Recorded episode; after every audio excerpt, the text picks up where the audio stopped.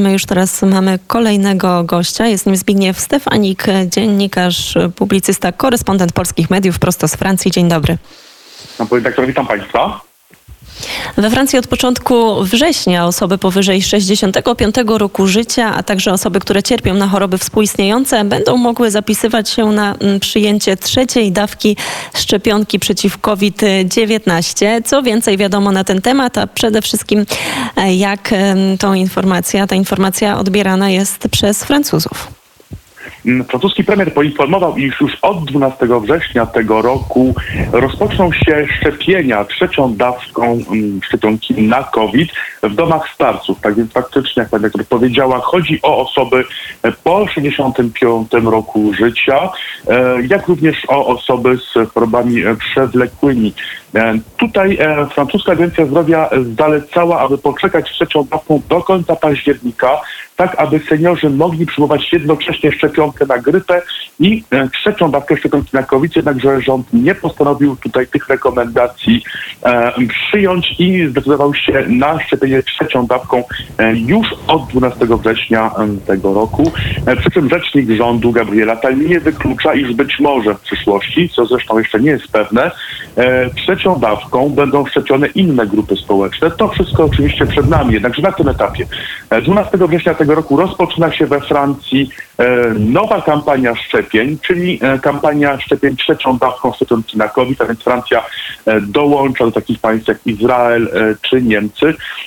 Państwa te, jak wiemy, rekomendują podanie trzeciej dawki, a przecież podanie trzeciej dawki jeszcze na tym etapie jest przedmiotem dyskusji. Przypomnijmy, iż Światowa Agencja Zdrowia rekomenduje, aby raczej wstrzymać się z trzecią dawką i zająć się szczepieniem państw afrykańskich.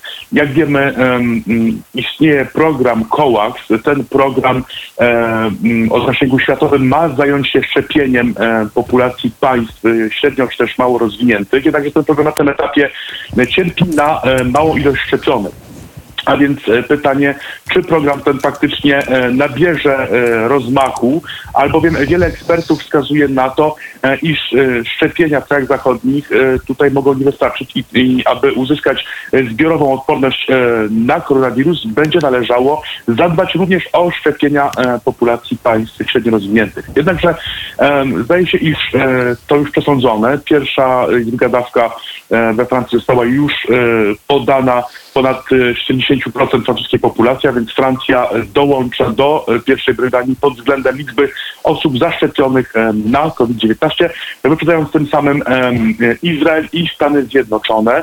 E, premier również podkreślał przy tej samej konferencji prasowej, iż pomimo, że będzie podawana trzecia dawka, to Francja nadal będzie prowadziła kampanię szczepień standardową, czyli no, te osoby, które nie zostały zaszczepione, będą szczepione na COVID. Tutaj rząd po raz kolejny e, zaleca e, możliwie jak najszybsze szczepienia i przypomina, e, iż testy PCR antygenowe będą bezpłatne, bez recepty tylko do połowy października, co ma stać się elementem zachęcającym osób niezdecydowanych na zaszczepienie się przeciwko koronawirusowi.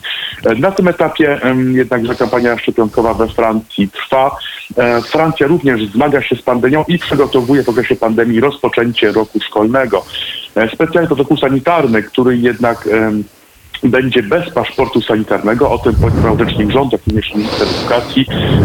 Paszport sanitarny nie będzie obowiązywał ani w szkołach podstawowych, e, ani w gimnazjach, liceach i również nie będzie obowiązywał e, na uniwersytetach. Jednakże faktycznie jeśli chodzi o podejście e, antypandemiczne w gimnazjach i liceach, to tutaj e, będzie zróżnicowane e, ze względu na sytuację, która będzie miała miejsce w poszczególnych departamentach, czyli właściwie cztery stopnie alertu, cztery poziomy alertu, które tak naprawdę będą wprowadzone w życie w związku z sytuacją, która będzie panowała w najbliższym czasie. Zdaje się jednak, że sytuacja na terytorium europejskim Francji stabilizuje się pod względem pandemicznym, chociaż te wskaźniki E, nadal e, są niepokojące. W ostatniej doby zmarło na cekwano ponad 100 osób ze względu e, na zakażenie COVID-em. Jednakże o ile zdaje się, iż pandemia jest powstrzymywana dość skutecznie na terytorium europejskim Francji, to sytuacja jest o wiele gorsza w departamentach zamorskich, w tym na Guadalupe, na Martynice.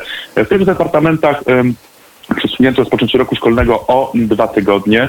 e, na Guadalupe, na Martynice trwa twardy lockdown, który będzie przedłużony, przedłużony i będzie trwał e, co najmniej do drugiej połowy września.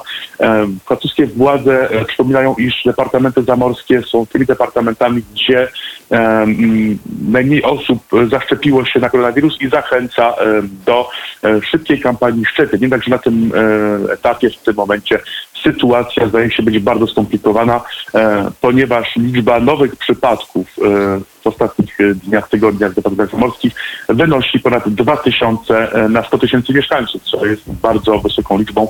E, Takich liczb nie widzieliśmy e, nas czekało nawet podczas pierwszej fali COVID-u, to jest marzec, kwiecień, maj e, 2020 roku. Tak więc Francja, podobnie jak inne państwa europejskie, walczy z pandemią i zastanawia się nad kolejnymi krokami, które z pewnością będą zależały od wskaźników. Bardzo serdecznie dziękujemy za ten komentarz. Gościem Radia Wnet był Zbigniew Stefanik, dziennikarz, publicysta, korespondent polskich mediów prosto z nadsekwany. Dziękuję. Dziękuję bardzo.